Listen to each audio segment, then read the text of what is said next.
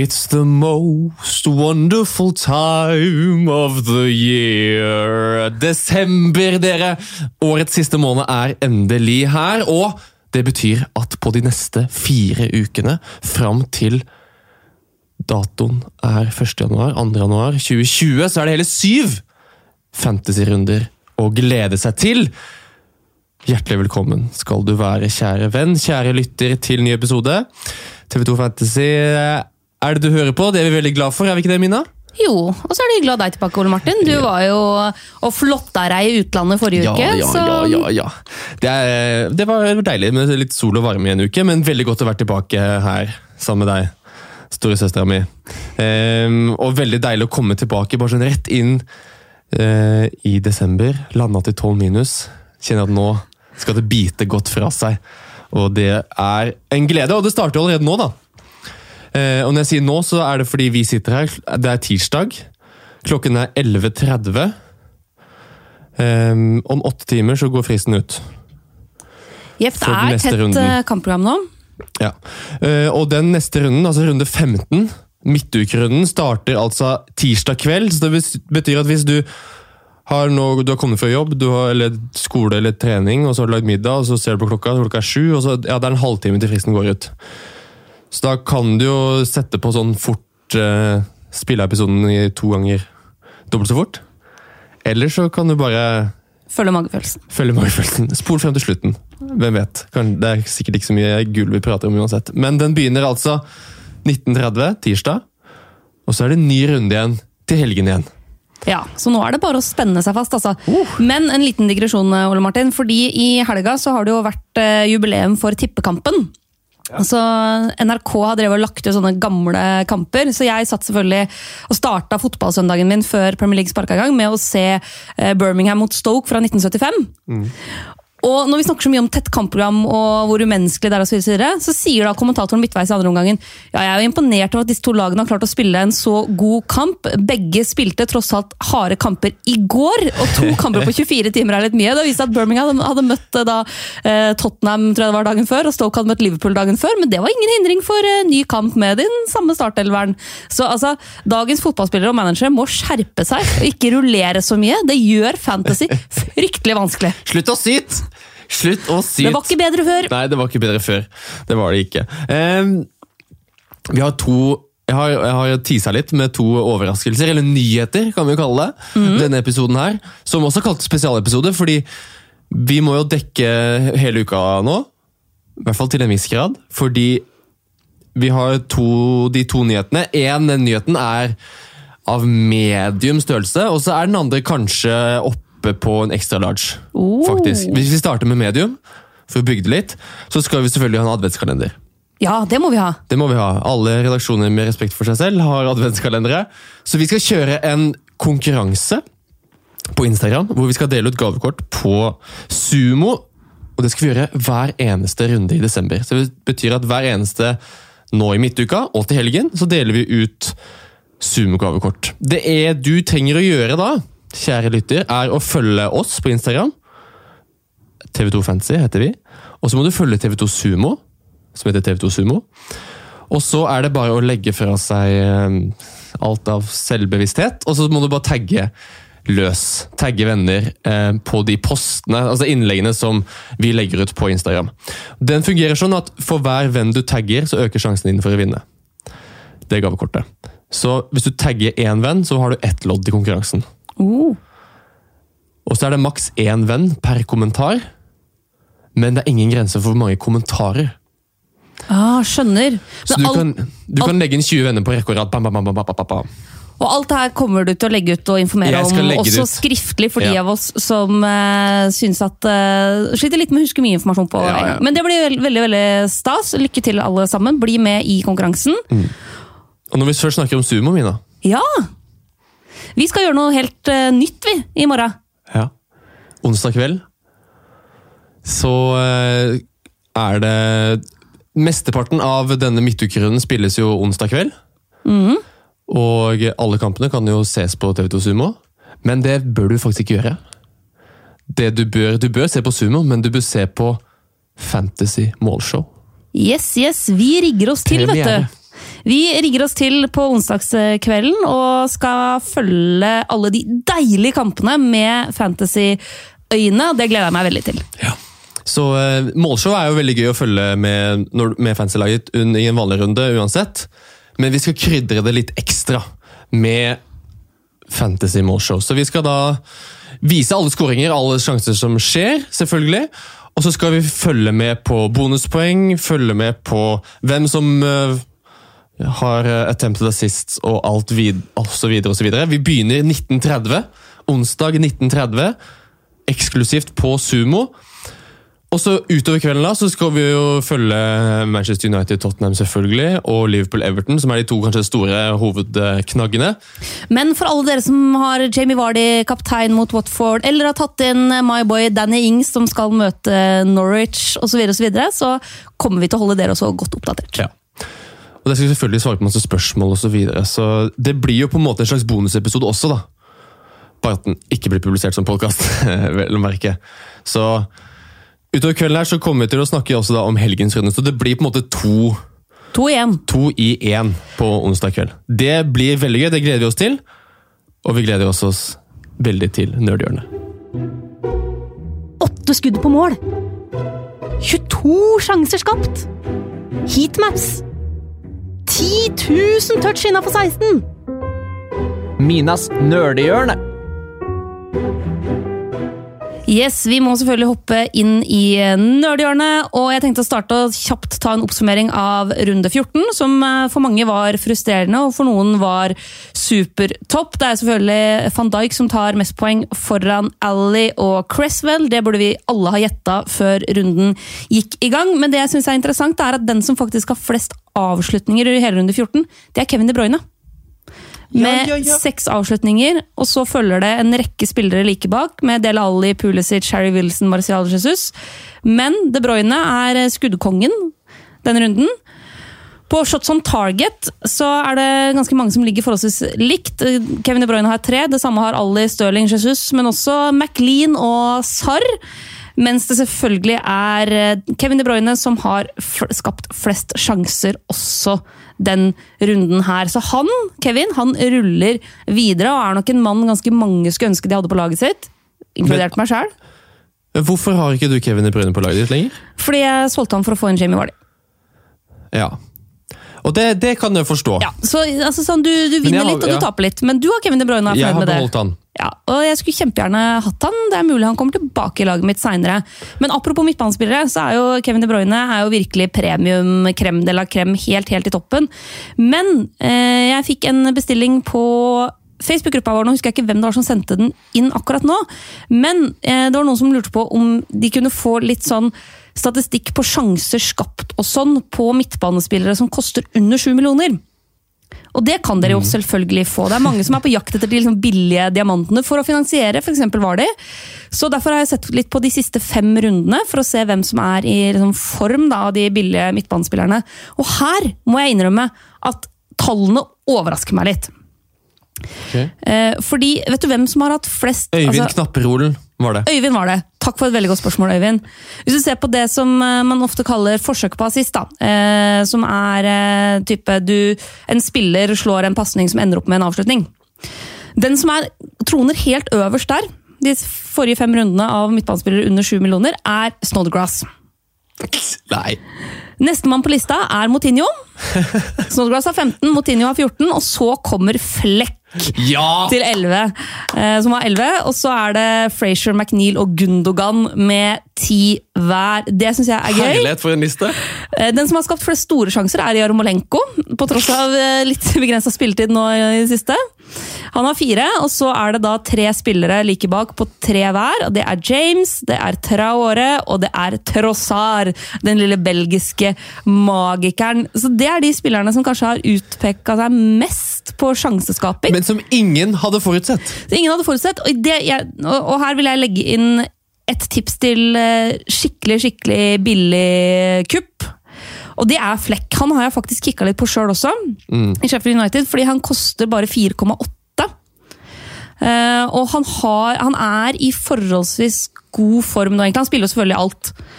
Så det, er veldig lettvint. Han har to mål på de siste fem kampene. Han har eh, fire, bare fire avslutninger, men alle er på mål. Og I tillegg så er han da blant de som er mest villige til å skape sjanser for andre av disse billige spillerne. Det er helt spinnvilt. Men Det er kjempegøy. hvor, hvor mange kamper var det du sa dette var? Fem, Siste fem rundene. Siste fem rundene. Ja. Og Jarmolenko var altså på toppen av På hvilken en? store sjanser skapt. Og på de siste, ok. Og på de siste fem så har han spilt 90 minutter én gang. Ja, så, Men det er klart at hvis du har én kjempekamp, så påvirker jo det ofte tallene dine. Okay. Så det er jo litt sånn Men og Snodgrass stopper på attempt to assist. ja, han, Forsøk på ja, han slår, det Og det er fordi han slår så innmari mye innlegg. Mm. Han slår vanvittig mye innlegg, og Ja. da er det klart at hvis Ja, fordi, men, altså Westham slår jo Chelsea i helga. V- Overraskende. Og når du sier at Jarmolenko og Snodgrass, som begge koster mindre enn 6 millioner på midten, har Men- gode tall Men med tanke på at uh, Jarmolenko er såpass eh, altså Der er jo spilletid et problem. ja. Så ville jeg nok heller altså, Jeg ville ikke tatt sjansen Det er det jo ikke hos Snodgrass, da. på han. Snodgrass har jo spilt eh, Han starta siste fem, han. Ja, og, Men igjen så vil jeg jo bare si flekk, da. 4,8. For et Sheffield United-lag som tross alt er oppe og nikker. Ja, det er jeg enig om. Sheffield United er jo oppe og nikker overalt, de. I alle lagdeler. Og de neste Har du sjekka ut programmet til Sheffield United eh, framover, eller? Ja, det er nydelig. Det er altså Newcastle, Norwich, Aston Villa, Brighton, Watford. Og så kommer City i runde 20, men det er lenge til. Mm. Så som en sånn billig, billigmann på midten der, 4,8 Ja, helt perfekt. Men jeg bare må forklare Når du sier at du har tall som sier at Snodgrass og Jarmolenko er de to midtbanespillerne som skaper Blant de mest billige, da. Blant de billige. Jo, jo, ja. Men det er fortsatt mer enn Mason Mount, eksempel. Selv om han har vært litt inn og ut i det siste. Er, yep. er det bare tall, eller er det noe som sier at da må vi, må vi kanskje titte litt ekstra på Westham? Altså, sånn som for eksempel med, med Snodgrass så handler det som, som sagt om antall eh, innlegg han slår. At det er, I den perioden her så har han, han snittet på ti innlegg per kamp. Ja, ja. Han tar vel er- dødballer, ikke sant? Og så er det 15 av dem han har truffet på, da, og det er jo de her, eh, sannsynligvis de samme som er disse sjansene han har skapt. Ja. Så, så det er jo noe med at han Ja, okay, slår sånn, så voldsomt mye innlegg. Og så er det en Men heading fra 16-meterstreken som faller ned med snø på. kan være, eller det kan være et, et kjempelegg som bare blir helt sjef. Mm. Ja, ok. Ja, for, ja, når, du sier, altså når du sier det sånn, så tenker jeg at det, de tallene lyver jo litt, fordi han har jo bare én assist på de fem kampene. Ja, og jeg lurer på om jeg også forrige sesong på et tidspunkt var litt sånn hmm, Snodgrass har fine tall nå. Ja, det har jo garantert vært. Ja, men, men han, han dukker alltid opp og har liksom fine tall i en uh, periode. Mm. Men et, den av de som faktisk vurderes litt seriøst, er da Flekk. Ja. Vi vurderer ikke Westham-spillerne der. Nei, altså- De har ikke kamp i runde 18 heller. Nei, det er litt det, det var det som var mitt neste poeng. Altså, skal du først ja, skal, du, skal du først hoppe på en billigspiller, så skal du ha en spiller som faktisk uh, har kamp i samtlige runder, og som er garantert spilletid. Mm. Definitivt. Og derfor kommer, eh, kommer Flekk best ut for meg. Nydelig. Deilig, deilig å bare komme, komme tilbake i studio og bare få servert sånne lister som bare er helt bak mål, men som allikevel Men tenker bare Ja, du tenker Ja. Verden er så sjuk at det er Snodgrass som er den som har flest eh, forsøk på måljevne i Premier League. Det syns jeg jo. James for så vidt da, er jo også kanskje en, en mer spenstig kandidat. mm. Uh, Daniel James, ja. altså. United Ikke Reece James. Nei. Daniel James. De, nå har de jo Tottenham. Og så City. Ja. Så det er ikke helt riktig tidspunkt, for så vidt, men han er jo nå Det blir jo garantert kontringsfotball, da. ja, Og han jo, har jo blitt fast. Mm. Uh, han har to målgivende på sine fem siste kamper. Uh, han skaper en del store sjanser, han har en del forsøk på assist. Han ligger også forholdsvis greit på altså expected assist, da, hvis vi skal kalle det det. Mm. Uh, han skyter ikke veldig mye. Han har, eh, han har to avslutninger på mål på de siste fem kampene. Og han har hatt én stor sjanse. Ja. Så sånn sett så Ja. Men assistpotensialet er jo definitivt der. Deilig, deilig. Vi eh, hopper videre, vi, og hopper ut i båten. Har du sett det kampprogrammet, eller? Sitt stille i båten nå. Men Han er jo i superform! Sitt stille i båten. Jeg kan bare ta minus fire. Sitt stille i båten. Og eh, med oss i båten så har vi eh, disse gode, gode spørsmål fra dere lyttere. Det er eh, nydelig, nydelig å se. Vi skal prøve å få svart på så mange som mulig av dem, og så med mest, størst mulig grad av konklusjon, tror jeg skal være målet. Ja. Og så skal vi introdusere en ny greie nå i desember, mot slutten av denne praten og spørsmålspraten. Vi skal ha ønskelista vår. Vi skal lage hver vår ønskeliste. Hva vi ønsker oss til jul. Hvem som skal inn på laget til jul. Eh, og hvorfor, og hvordan vi kan få inn de. Så det kan du gjerne gjøre sjøl også. Det anbefaler jeg nå. Sett opp en, om det er i notater eller Excel eller hva det er. Sett opp en liten plan for de neste rundene. Hvem er det du har lyst til å få inn? Når kan du få inn de? Når er passer det best å få inn de spillerne? Vær litt systematisk nå. Vi starter med et spørsmål fra Bjørn Eide som, er, eh, som stiller det spørsmålet vi alle tenker på eh, titt og ofte. Billige spillere som alltid spiller. Altså stallfyll som vi må ha på laget. Em, hvis man skal tenke så billig som mulig, hvem er den billigste spilleren som alltid spiller? Altså, Den Donker er jo fortsatt Ja, eh, med i regnestykket her. Det er han. Eh, nå nede som midt, midtstopper i litt sånn skadeproblemer i Wolverhampton der, så det gjør ikke hans eh, verdi akkurat noe større. Men det er verdt å nevne at Cantwell er tilbake, da. Ja, det kan vi nevne. Både fra start og med scoring. Den Donker er eh, bankers på midten, i hvert fall. Det vet jeg ikke. 4,4. Han spiller alt. Wolverhampton er også et lag som ikke roterer så voldsomt. Ehm, du var innom John Fleck. Ja, ja, men 4,8. altså, kjempenavn. Martin Kelly er jo en vi må nevne nå. Han er ganske obvious, fordi han har ganske stor eiendel på over, i hvert fall over 20 har. Ja, og så er det skader i Palace-forsvaret som gjør at det er gode utsikter for spilletid framover. Mm. Joel Ward, den som er, altså han som er førstevalg på høyrebekk, er ute. Altså, Foreløpig er det liksom ingen return date, men det vi har fått vite, er at eh, eh, han kommer til å være ute for a number of weeks, og sannsynligvis så er han ute til eh, januar. Ja. Så Det betyr Martin Kelly på høyreback. Koster 4,1. Eierandel 24,3% Ja. Den runden her er jo også, ser det ut til at både Cahill og Scott Dan er ute også. Ja. Det er Tomkins og Sako som da blir stoppere. Så vi får se. Han kan, jeg vurderer å ta inn Kelly, mer om det seinere. Men det handler mye om pris. Mm. Så er, syns Og jeg kampprogram. Ja, kampprogram. Jeg syns jo at det er verdt å kanskje tenke å investere i Palace sitt kampprogram. Mm. Fordi Mer der, om det seinere òg. ja, men der har du noen billige alternativer. Hvis du skal tenke, sånn grisebillig jeg, Nå har jo jeg kvitta meg med Jordan Ayu. Nei! ja, for å få inn Jamie Hardy. Ja, eh. Men de har kjempefint program framover. Mm. Helt fram til 11. januar, egentlig. Ja. Så til 5,1. Mm. Hvis du trenger en skikkelig billigspiss. Bournemouth, Watford, Brighton, Newcastle, Westham, Southampton og Norwich. Mm. Det er nydelig, det. Mm. Det, er, det er egentlig på spissplass at det er flest av disse billige eh, spillerne som jeg føler er også gir bra med spilletid. Du nevner jo Jordan Ayew. Eh, så har du Lys Mosé, som eh, har blitt rising star, Sheffield United. Det er, ikke Lund, det er ikke bare Lundstrøm, det er Flekk og det er Mosé og det er hele bøtteballetten. Han koster også 5,1, samme som IU. Hvis du skal bare tenke pris, så kan du gå ned på Connolly. Aaron Connolly i Brighton. Ja. 4,7. Eh, nå starta han bort mot Liverpool, og Mopai og Murray var på benken. Om det var nok mye et taktisk grep, tenker jeg. Men uh, uten at jeg kjenner Brighton så vanvittig godt. Men jeg syns det var overraskende at eh, han var aleine på topp der. Men det sier også at uh, unggutten i Brighton, Connolly altså, 4,7 koster han.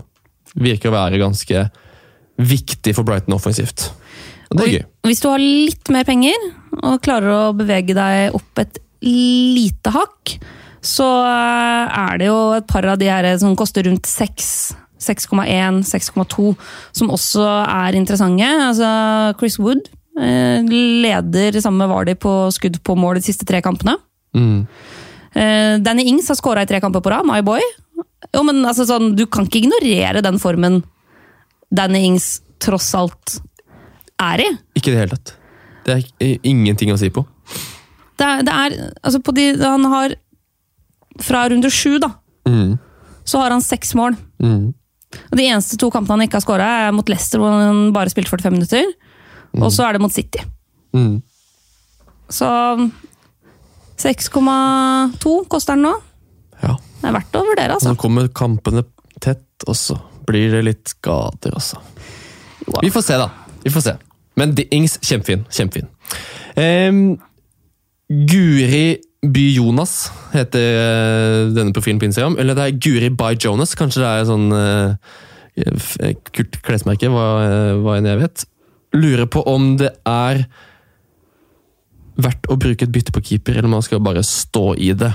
Eh, og det er flere som spør om det. Også både Theodor Dokken, Theodor Dokken lurer på beste keeper til 4,6. Og det er flere som jeg tror begynner å tenke på å kvitte seg med Nick Pope. Meg Ja. inkludert. Ja, jeg ser jo den, men jeg er jo litt der at eh, det skal virkelig brenne før jeg bruker bytter på keeperplass. Ja. Eh, jeg syns det er litt kjedelig, for å være helt ærlig. Eh, og så er det jeg syns det, er- synes det er så mye tilfeldigheter inne i bildet her. Men Det brenner jo for så vidt når eh, Burnley har City og Tottenham på de to neste. jo da, men eh, problemet er Hvis jeg bruker et bytte der, så føler jeg at da plutselig så kommer det sånn vintage Burnley dukker opp.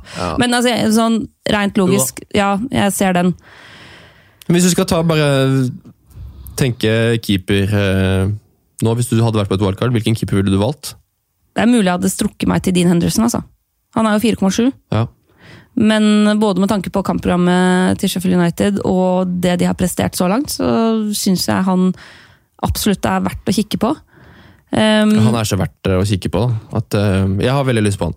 og så Hvis man tenker litt mer langsiktig Nå har jo Aston Villa to litt tøffe kamper nå, med Chelsea og Leicester. Men etter det så blir det grønnere. Mm. Så, og han er 4,5. Mm. Så har du Gazaniga, da. Ja, fordi der trodde man jo at eh, med Mourinho inn, så kunne Gazaniga være et superkupp. Kan jo fortsatt være det. Men det har jo ikke akkurat vært bunnsolid bakover. Nei, det er det ingen Mourinho som har skal bestemt påstå. seg for å være sånn Dere trodde jeg var kjedelig og defensiv? Tro om igjen! Han bare, han skal, jeg, skal, jeg kan spille offensiv fotball, jeg òg. Vi kan skåre så mye mål at ja. dere, dere mister tellinga. Jeg kan slippe inn mål, jeg òg, hvis det var det du lurte på. Så ja, jeg, jeg, jeg holder han på Gazaniga, altså. Men det er fire og en halv. Så Ja. det er jo sånn, Det i seg selv er jo et godt nok argument, for så vidt. Men ikke ta han inn før de skal til Old Trafford, da. Nei, for så vidt ikke. Men du kan gå enda lenger så kan du måte virkelig gå imot strømmen, og så kan du velge Alex McCarthy i Southampton 4,3. Det er jo, Da er du aleine, mest Ja. sannsynlig. Men um, det hvis, du, hvis det bare kniper på penga, da. Og så er det å følge med på keepersituasjonen i Westham, da. Ja. Jo, men det må man jo.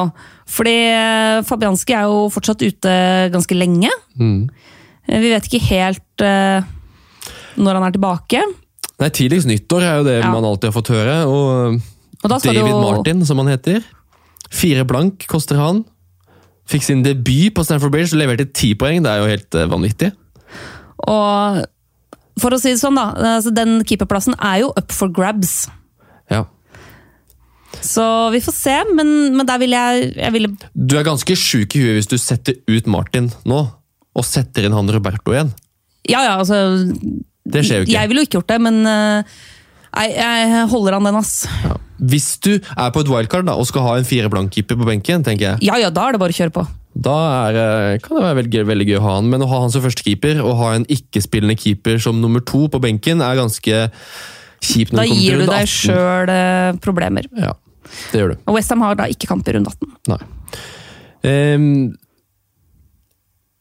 bare for å svare på det spørsmålet om det er verdt å bytte keeper, så tenker jeg at eh, hvis Du skal være ganske fornøyd med resten av troppen din, jeg tenker du skal være ganske fornøyd med benken din også. Ja. Jeg tror det er viktig nå, fordi allerede nå i midtuka Husk, fristen er i kveld, folkens. Tirsdag 19.30. Ehm, eller om det var i går. Det kommer på når du hører dette. Så kommer det til å bli rotasjon Kanskje ikke på keeperplass, men jeg tror du må ha i hvert fall 13 spillende spillere på, i troppen din. Du bør ha i hvert fall to på benken standby. Eh, ville jeg hatt for å kunne ha hvilepuls og kunne tenke at ok, dette skal gå fint. Så må du se an hvordan du vil prioritere det. Men ehm, det er, Dean Henderson er det beste keeperalternativet. Og hvis det krever veldig mye å få inn han Jeg ville ikke tatt hits for å ta inn en keeper, da. Det kan Nei. også være et uh, godt svar. Vi går videre vi, til forsvarsspillere. Det er det Dan Lins på Instagram som spør om forsvarsspillere å satse på i jula til under fem. Utenom Sionchu og Lundstrøm, selvfølgelig. Selvfølgelig. Vi var innom eh, Crystal Palace. De, der vil jeg jeg syns det er mange som er interessante der, altså. Ja. Ville du hevet inn Tomkins nå, for eksempel, allerede? Eh, altså, Jeg kommer til å gå for Kelly. På grunn av pris. Ja. Eller mest sannsynlig så blir det et av byttene mine den runden her. ja. Jeg syns Tomkins er ganske spennende. Det er, en, det er fem blank, da. Ja. Jeg vet, så jeg vet ikke hvor mye du får igjen for det. Eh, Så får du, se, du kan jo se hvor lenge Gary Cale er ute, men eh, ja, du er, du er inne på det. Hvis Kelly spiller til 4,1, så er det ikke så mye mer å tenke på, egentlig. Um, Louis Dunk har jo blitt Juninho på frispark. Eller han er jo begynt å score, offensiv. Trygg, som du bare kan stole på. Um, er det noen du vil anbefale, Mina? Eh, Verdt å kikke litt også på, på Newcastle og Villa, tenker jeg. Eh, Der er det liksom eh, Ja, der kan du få i hvert fall litt igjen for penga, mm. tenker jeg. Og vi har jo alle sammen Vi var vel ganske enige om at det var rundt desember vi skulle Litt ut i desember, egentlig, vi skulle få inn eh, få inn Villa. Nå er det noen litt vonde kamper nå, altså mot Chelsea og mot Leicester. Men fra 14. desember så kommer det ei luke der med ålreite kamper. Ja. Så- Sheffield United borte, Southampton hjemme, Norwich hjemme, Watford borte, Burnley borte. Ja. Det er fra 14. desember til 1. januar. Det er et veldig pent juleprogram for Villa. Dyreste forsvarsspilleren til Villa er Tyron Mings til 4,5. Men det er vel kanskje godeste Gilbert på høyrebekken Det er jo han som frister mest, som ja. frister mest. Nå er han suspendert i kom, altså, nå i midtuka. Men han har jo levert, eh, spesielt på hjemmebane, ekstremt bra. Koster 4,4. Um, han leverer enten clean shit eller målpoeng han hver hjemmekamp. Så han er spennende å se på. Wilhelms regner jeg med at du tenker på i Newcastle. Ja, det er jo han, han. som eh, er på en måte den mest inngangen. Spesielt nå som Jedlin Mm. er skada. Så er det jo han jeg først og fremst tenker på. det er jo det.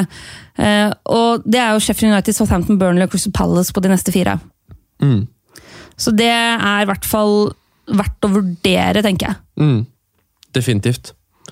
Definitivt. Fikk jo med seg mål nå, Ja, god, City. pen skåring. Ja, ja, ja. Så um, ja, gode, gode mann. Gode menn å satse på i jula der. Vi fortsetter fra Slefsen, som skriver til oss på Instagram Hvem skal man satse på i Tottenham? ja Det er vel egentlig det vi alle tenker på nå. det er nøkkelspørsmålet. Det er noe av det jeg sitter og lurer på før eh, runden som kommer. For jeg må få inn Tottenham. Ja, Men da skal man ha inn Del Alli, uh, Harry Kane og min son. Så bør du jo egentlig ikke se på Serge Aurier. Ja, Eh, Toby Alderfreild. Casaniga har vi kanskje utelukka. Hvem velger man? Det dilemmaet jeg står i nå, da, eh, er eh, sånn eller Ali.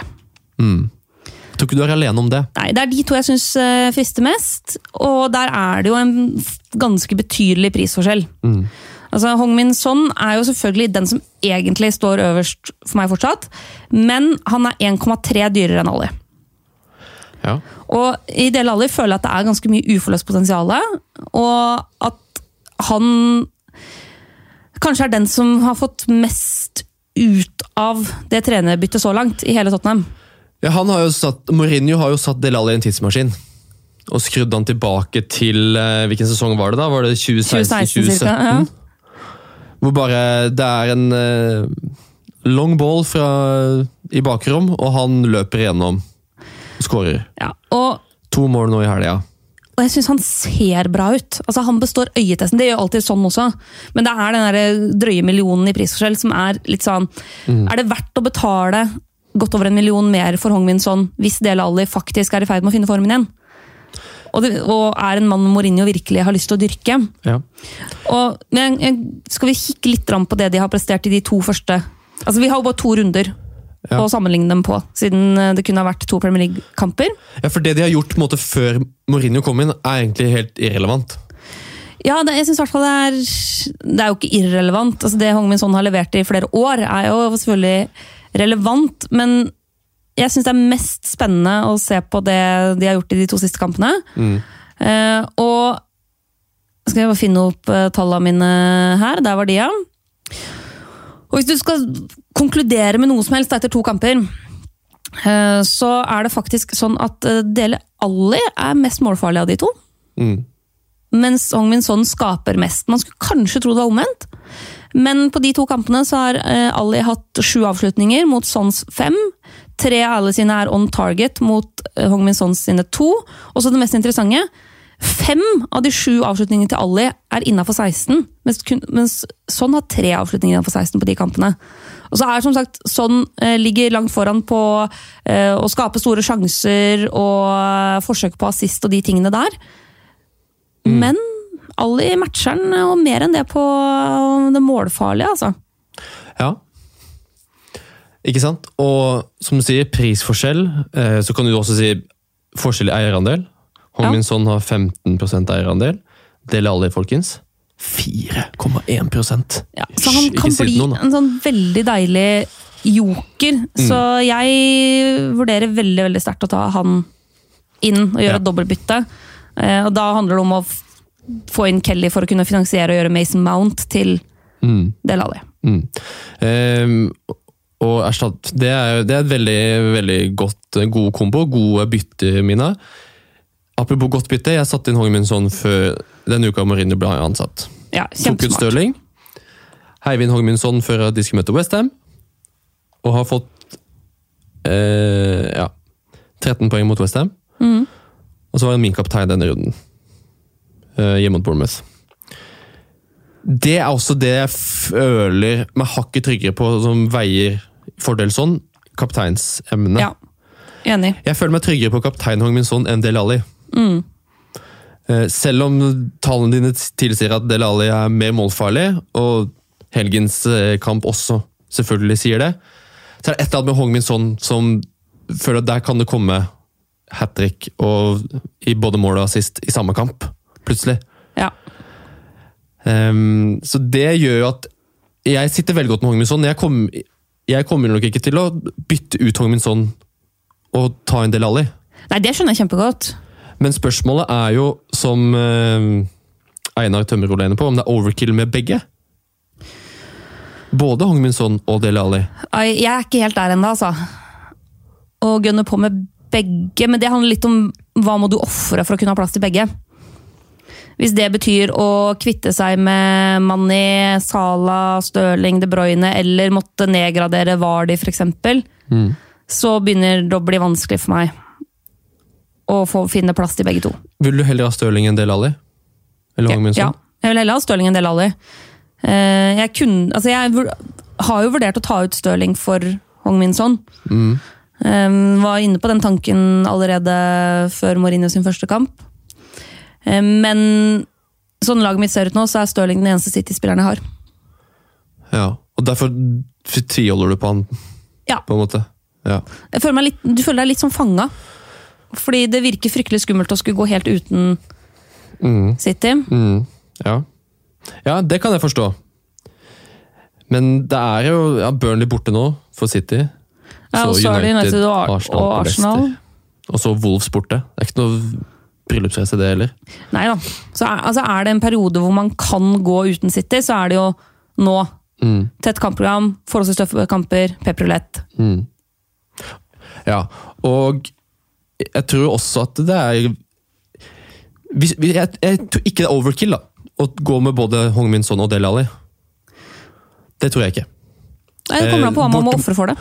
Ja, ja hvis, du, hvis du skal sammenligne med både Stirling og De Bruyne, da, Ja. som har vært, vært måte veldig populært og veldig, føltes veldig riktig i store deler av høsten. Um, og Du kan si det samme med Salah og Mané.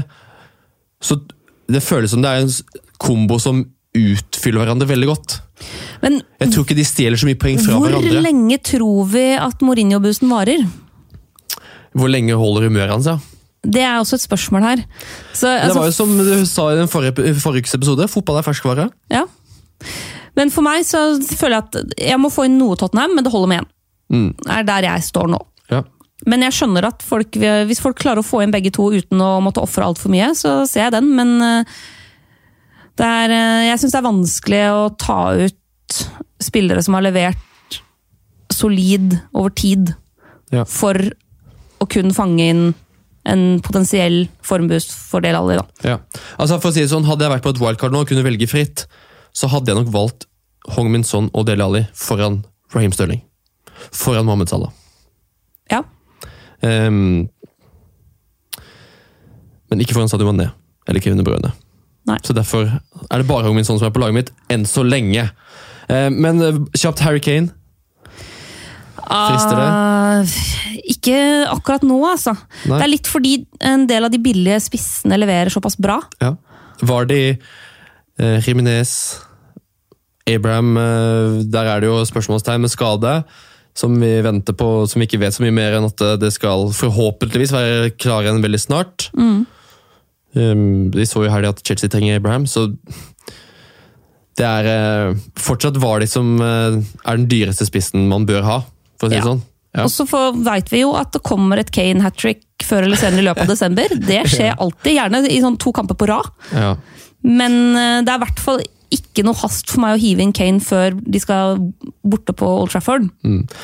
Han hat trick enten til helga hjemme mot Burnley eller andre juledag hjemme mot Brighton. Kanskje. Eh, eller si. eh, fjerde juledag eh, bort mot Norwich. Ja.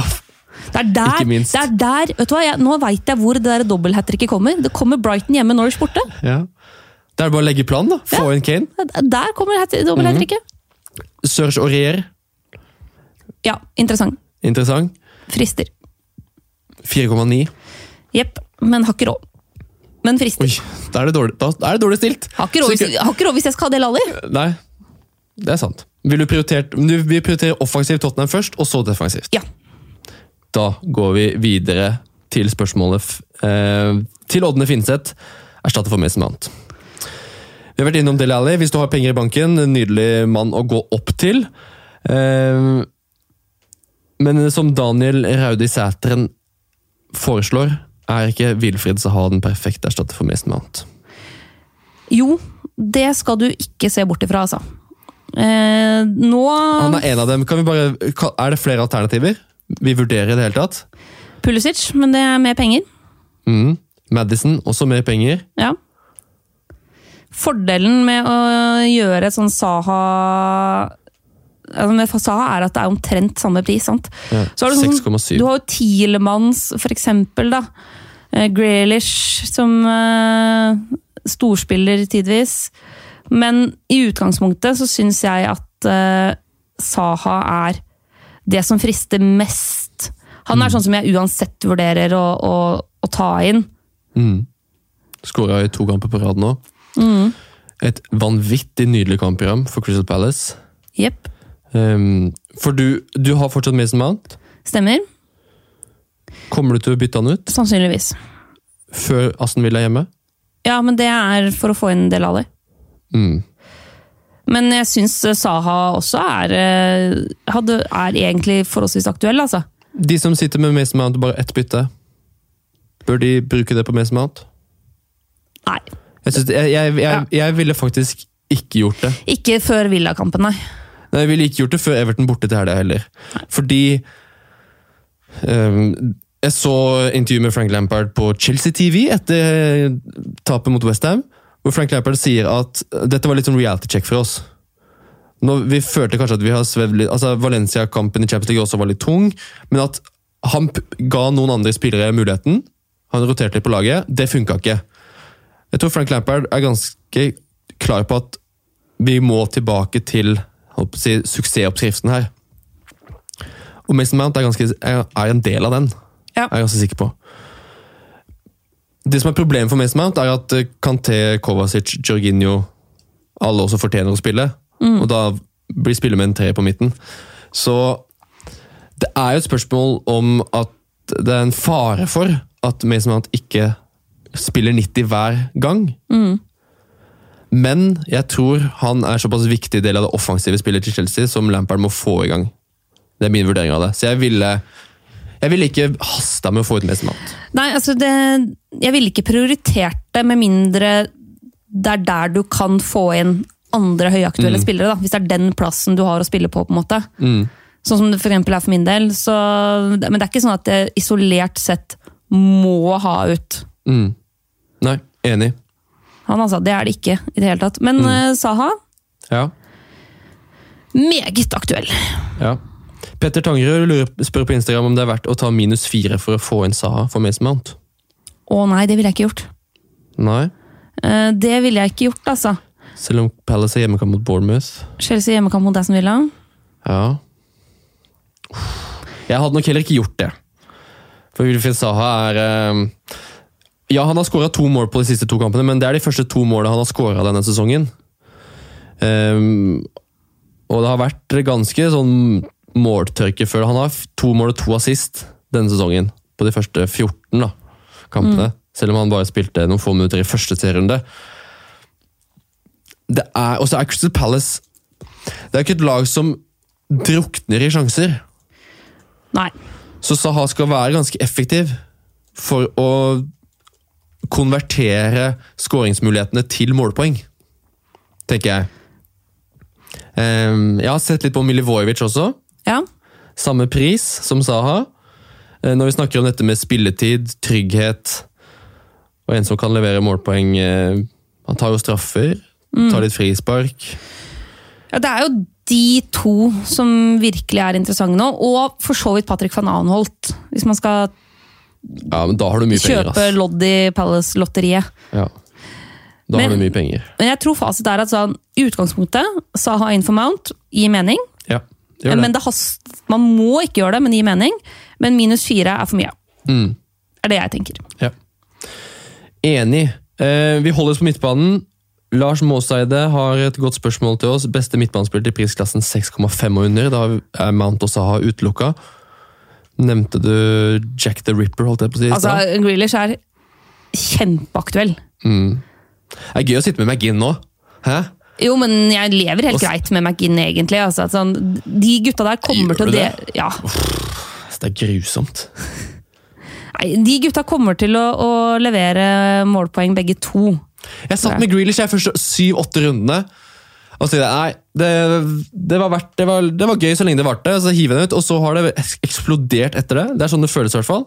Og så har jeg tenkt ok, jeg hiver meg på McGinn, men det har ikke funka det heller enn så lenge. Men det kommer jo noen kamper litt lenger fremover og sånt, som vi bare må belage oss på kan være redningen. Det betyr at Grealish eh, ikke er noe dårlig valg eh, i kampene som kommer. Nei, Og så har du, hvis du ennå ikke har fått komme deg på Leicester-toget, så er jo Ayose Perez en mulighet.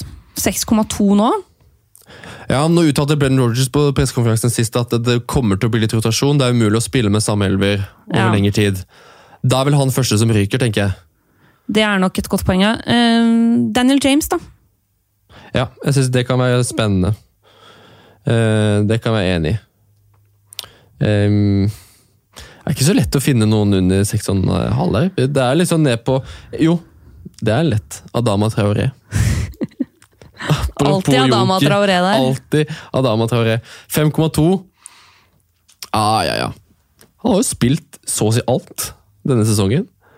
Eh, Det er ikke veldig mye målpoeng, det er to assist da, på de siste tre kampene. Men virker å ha, være ganske trygg i det laget der. Og det er jo Det kan være hummer eller kanarie. Du vet aldri hva du får. Så kan du, hvis du eh, liker en strøken eh, frisparkfot, gå for Harry Wilson. Seks blank, Bournemouth. Mm. Ja. Det er, det er mulig, det òg, altså. Ja. Nå, da må du tåle et, eh, noen forholdsvis tøffe kamper. Eh, Men du kan få frispark i tøffe kamper også. Ja, ja. Du må tåle at han kommer inn etter 60 eller blir tatt Ja, av i ja. 58. og Det blir, du, må, du må tåle litt. Du må være litt tykkhuda hvis du skal ha Harry Wilson på laget. Mathias Winningland har spurt uh, oss om beste kombinasjon med én midtbanespiller og én angrepsspiller til maks 14 millioner. Basert på kommende kampprogram og form. Og Der vet jeg at det driver du og tenker på, Mina. Ja, det er omtrent eh, akkurat det jeg har sittet og, og lekt meg litt med. For eh, litt under 14 så kan du få inn Dele Alli og Lys Mosset. Mm. Det er en mulighet. Det er ikke det dummeste man kan finne på det. altså. Så Det er en variant jeg i hvert fall tenker du bør vurdere. Mm. Eh, Pulisic Ja, Pluss Danny Ings. Your boy, Danny Ings. Ja. er ikke det dummeste, det heller. Formspillere, definitivt. Ja. Og det er vel en såpass god form at kampprogram ikke er altså det har ikke, Du klarer deg ganske bra. Altså i hvert fall Pulisic har Villa, Everton, Bournemouth på de tre neste. Det er jo ikke så halvgærent. Ganske pent, egentlig. Og også Southampton og Dennings har fine kamper framover. Norwich, Newcastle, Westham og Villa. ja, sant. Hvis det skal snu for Southampton, så må det snu nå, og da må Ings fortsette å skåre. Hvis du skal gå enda litt lenger ut fra den store majoriteten som står samlet her inne, vi går, trenger oss litt lenger ut, der hvor jeg liker meg best, Grealish og en trygg mann i Jimenez. Ja, ja, ja. Det er ikke så gærent, egentlig. Det er ikke så crazy. Det syns jeg ikke er så gærent, altså. Men det som er skikkelig crazy, det er Diogo Yota og Richarlison. Ja, Da mister du Du mister meg litt der. Men da er altså, du ferdig. nå har Jimenez levert eh, målpoeng i fire kamper på rad, Ja. så han er forholdsvis trygt. Men du mister Mm. meg litt på shota. Du gjør det, altså. Ja. ja, det er Og bare for å har, har vi liksom friskmeldt eh, Everton nå, da, eller? På langt nær. Ikke i det hele tatt. Nei, nei, nei. Opp mot eh, Liverpool der, i Derby og Ja, Charlison som har fire mål på 14 kamper så langt i sesongen. Ja, det er ikke, nei, det er ikke friskmelding i det hele tatt. de, ok, de neste Men fire to av de er på de siste tre, da. De fire neste kampene til Everton, Liverpool, Chelsea, Manchester United og Arsenal. Ja. Jeg, jeg sier bare at hvis du virkelig skal spille høyt Og er, altså er det en som scorer i de kampene her, så er det jo han. Og så skal du selvfølgelig ha en Shota som har eh, ett mål og én assist så langt denne sesongen her. Ja, det blir den fine fjerdeplassen på den komboen der. Det kan vi, det kan vi være med på. Men det er gøy, da. Du, du skal for det. Du tenker, du tenker kreativt. Ja. Men den jeg ville gått for, sannsynligvis, er Ali og Moseth. Eh, med da eh, faktisk Grealish Jimenez som nummer to, med tanke på spilletid. Ja, det er den altså, jeg hadde valgt først. Du er safere på spilletid med Grealish Jimenez. Mm. Fordi Pulisic og Ings Pulisic, eh, bra, men Frank kan finne på å rullere. Ings kjempeform, men eh, det hender jo at han blir skada. Det gjør det. Um, Pulisic virker jo å være litt utafor den rotasjonen. Det var plutselig spissen og Giroud ble tatt ut, men jeg er Ja. helt enig i at der er det jo litt flere spillere å velge fra. Ja. Litt flere utfordrere til rollen. Mosé og Ali virker litt sånn som boblere. Som er, det bobler noe fryktelig akkurat nå. Ja. Og så kan Så kan du treffe en formkurven da, Det er sant. og uh, tjene masse spenn på det. Det er sant. Så formtoppen er jo Mosé og Ali. Magnus Hjortveit lurer på om Abraham skal ut. Ja.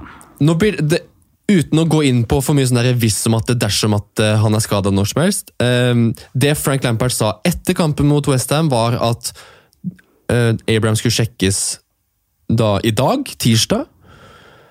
Men at han var vel, Abraham sjøl var veldig gira på å møte Aston Villa, klubben han var utlånt til forrige sesong. Så jeg kan gå så langt som å si at hvis ikke Abraham spiller mot Villa, så spiller han til helgen. Bort Ja. Everton. Det er jeg ganske trygg på. Så det er ikke langsiktig, dette her. Abraham er veldig snart tilbake. ja. Og Det betyr at du holder på han. ja, jeg skal høre hva Frank har å si etterpå. Ja. Men inntil videre så er planen å holde han. Med mindre Lampard sier at nei, han er ute i to uker. Ja. Og Frank Lampard har pressekonferanse 14.30 norsk tid denne tirsdagen. Og hva han sier, det får du vite på vår Facebook-gruppe og, Og på vår Instagram. Instagram-profil. Yes. TV2 Fantasy. Vi kjører sånn Fantasy-tirsdag, blir det da. Men jeg kan bare si at jeg tok ut Abraham forrige uke. Ja. Du er jo litt mer trigger-happy enn meg. Jeg tenkte at eh, med den skaden så kommer han til å miste to kamper. Jeg tror ikke Jeg, tror sjansen, jeg anslår sjansen for at han mistet um, oppgjøret mot Villa som ganske stor. Og så var ikke benken min noe spess. Og så tenkte jeg ah, herlighet. Det er den mest, mest valgte spissen er ute med skade. Det er perfekt mulighet til å bare spice opp ting litt. Og så grubla jeg, og så grubla jeg, og så tenkte jeg at ok, Raoul Jiménez er det åpenbare valget. Og derfor gikk du selvfølgelig for det. Derfor var han utelukka. um, så jeg satte inn Gabriel Jesus. Mm. Uh, yes, det gjorde jeg. Eh, men det føles fint. Til eh, Burnley Ja. Skal møte Burnley nå. Han lever nok på lånt tid. Men fin joker. Fin joker. Eh, hvis, det jeg prøver å si, er at Raúl Jiménez er det åpenbare alternativet hvis du skal bytte ut Abraham. Ja, ja. Klink. Klink. Hvis du ikke skal ha inn Jimenez, hvis du har han fra før, så kan du ville jeg gått ned til Danny Ings. Ja. Eller Åh, det, er så, det er så deilig å høre deg si det. Ja. Er ikke bare meg, vet du. Men det er gøy å hive inn Lacassette eller Gabriel Jesus også, tenker jeg.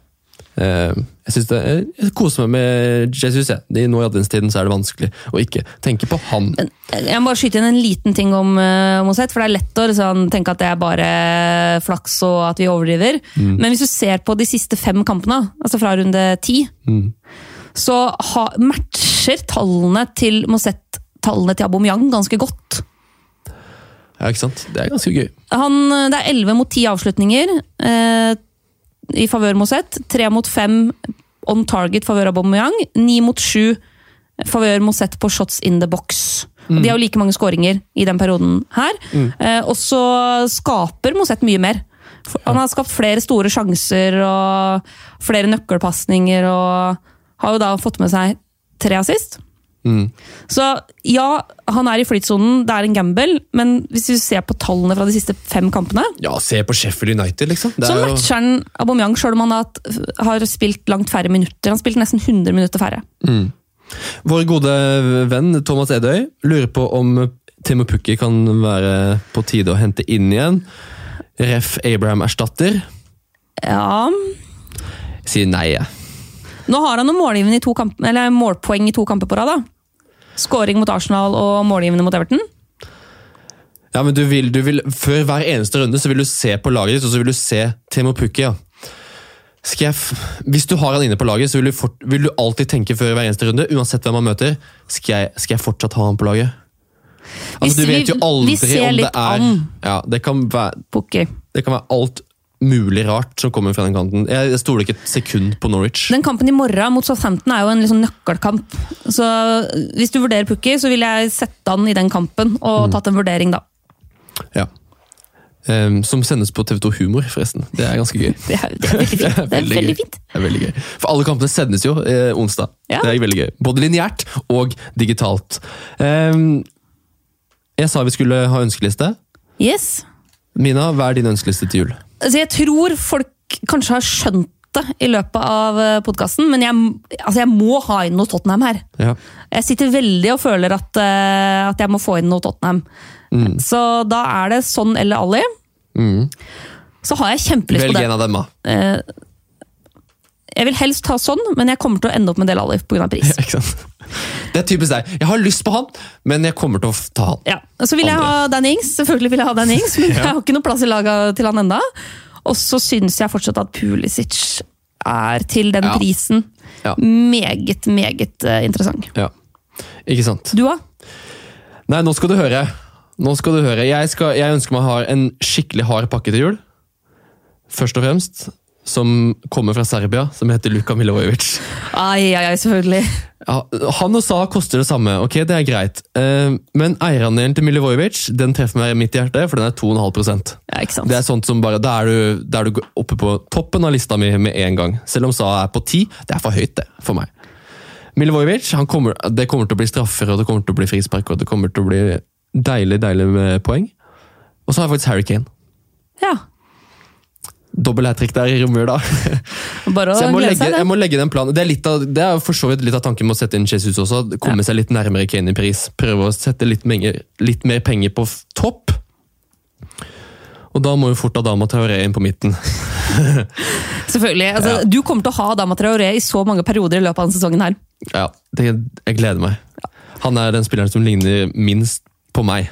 Sånn i både utseende og type, og sikkert personlighet også. Jeg har jo forresten gjort mine to bytter på Team Tema, altså mitt rockla lag, med bare klubber som ikke er topp seks-klubbene. Der har jeg tatt inn Danny Ings og Wilfred Saha.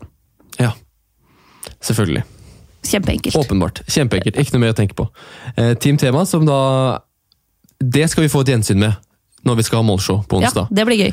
Det har vi valgt å ikke ta med i podkasten, fordi vi, vi, vi tror, for dere som hører på, at det er litt trøblete å sitte og høre på oss lese opp et lag. Det er mye lettere å se det. Så Ja. vi, vi skal prøve å huske på å legge det ut visuelt på våre sosiale mediekanaler, og selvfølgelig ta det med på målshow nå onsdag. Og få, gi dere status på hvordan det går der. Da skal vi hoppe inn i duellen. Nei, nei, nei, nei! Nå er du helt på bærtur! Det er jeg helt uenig i! Mener du det? Duellen. Og duellen denne gangen den er signert Andreas Haagensen.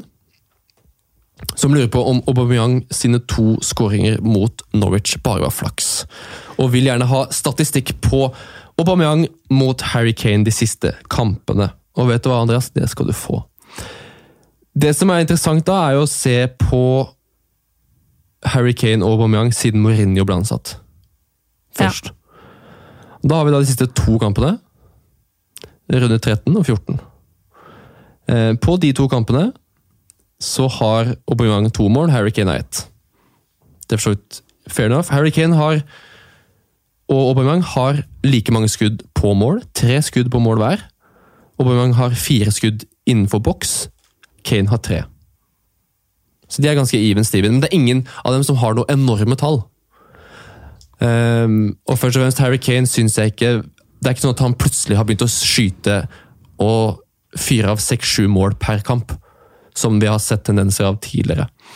Hvis vi ser hele sesongen totalt, så har jo Aubameyang ti mål og Kane har syv. Det er for så vidt greit. De har like mange skudd i boks. 25 hver på sesongen eh, totalt. Aubameyang har 36 skudd totalt, Kane har 37. Ja, Så forholdsvis jevne, egentlig, generelt. Og det er ikke noe sånn Mourinho-effekt, det er i hvert fall ikke noe Jungberg-effekt.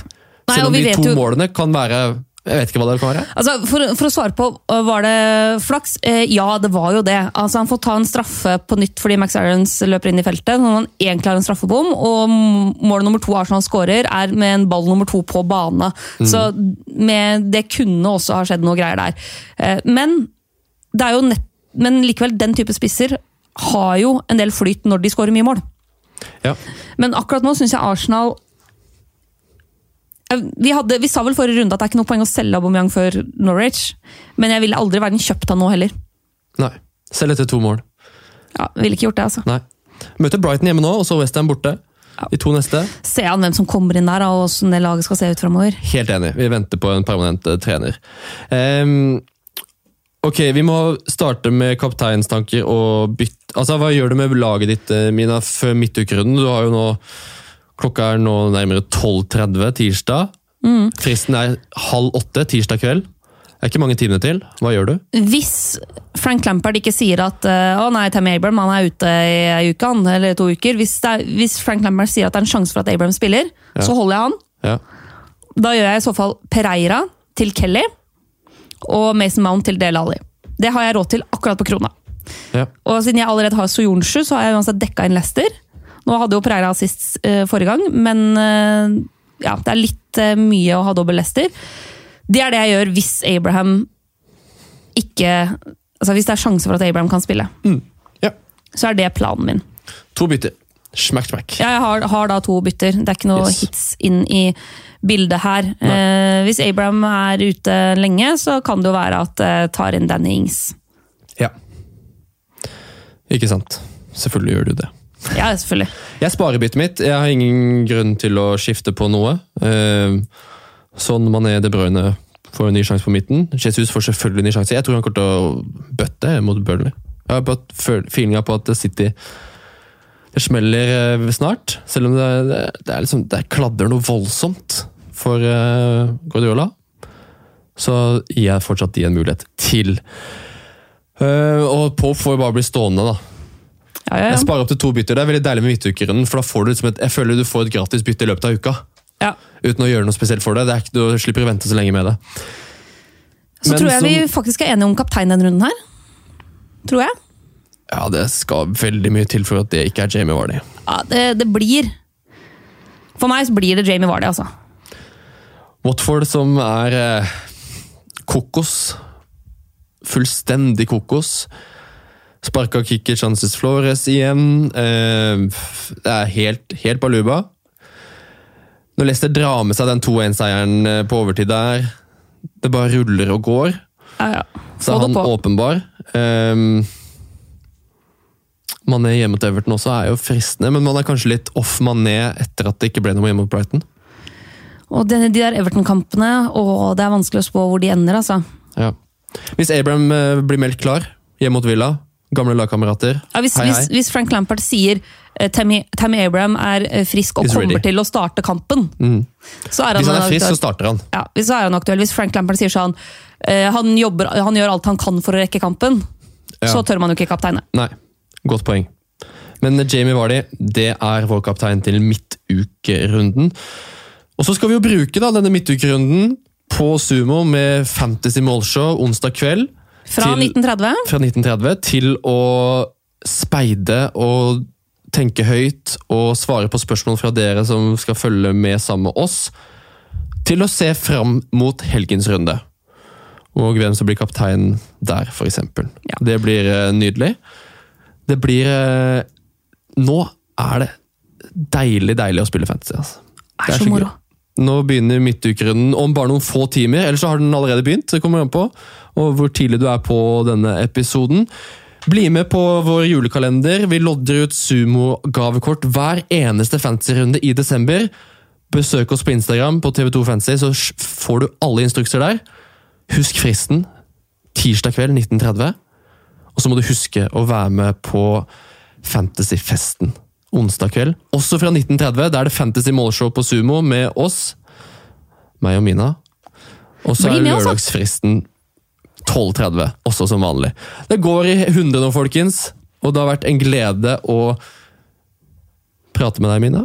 Ja, det har vært stas der. Så snakkes vi da, Nå folkens. ruller ballen. Vi snakkes, vi høres og ses eh, onsdag kveld. Og så høres vi neste uke. Ny podkast. Det blir kjempegøy, det. Kos dere. Ha det, ha det.